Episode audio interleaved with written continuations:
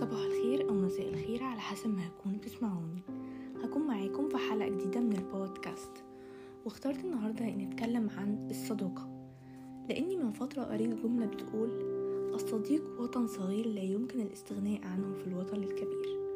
والحقيقة دي من الجمل الجميلة اللي أنا قريتها. بشوف إن علاقة الصداقة من أكتر العلاقات المريحة اللي ممكن تكون موجودة في حياتنا. علاقة الصداقة بمثابة علاقة أمان. علاقة هادية ما فيهاش شروط ما فيهاش أحكام. أقدر أتكلم وأعبر عن كل اللي جوايا من غير ما أكون خايفة ومترددة من اللي قدامي. بنبقى متأكدين إن العلاقة دي من غير شروط أو أي أحكام على التصرفات اللي إحنا ممكن نعملها أو التصرفات اللي إحنا ممكن ناخدها. مش بقول إن ما يكونش فيها توجيه. علاقات الصداقة بيكون فيها توجيه ولكن مش دايما بيكون بطريقة اللوم والعتاب. التوجيه بيكون بطريقة جميلة أوي. علاقات الصداقة موجودة في حياتنا عشان نقدم لبعض مساندات ومساعدات ودعم وتشجيع وحب. علاقات الصداقة من أفضل العلاقات اللي ممكن تكون موجودة في حياتنا. أشوفكم في حلقة جديدة.